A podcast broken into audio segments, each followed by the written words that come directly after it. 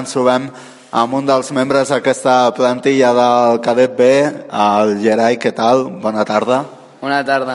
¿Cómo, cómo estás eh, viviendo esta experiencia?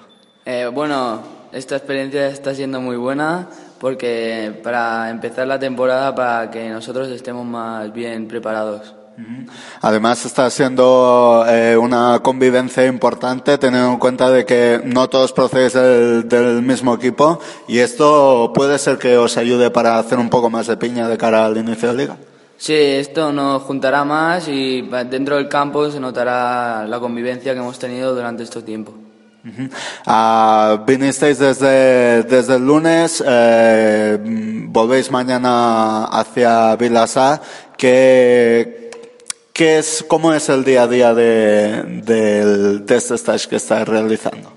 Bueno, comenzamos por la mañana haciendo dos horas eh, de físico, cosas que para nuestro rendimiento y luego por la tarde hacemos con balón, hacemos partidos y cosas con balón, chutes, etcétera.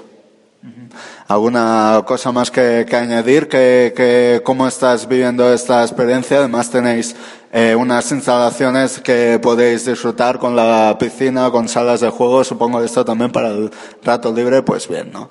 Sí, muy bien esto. Gracias, Geray. Gracias. Don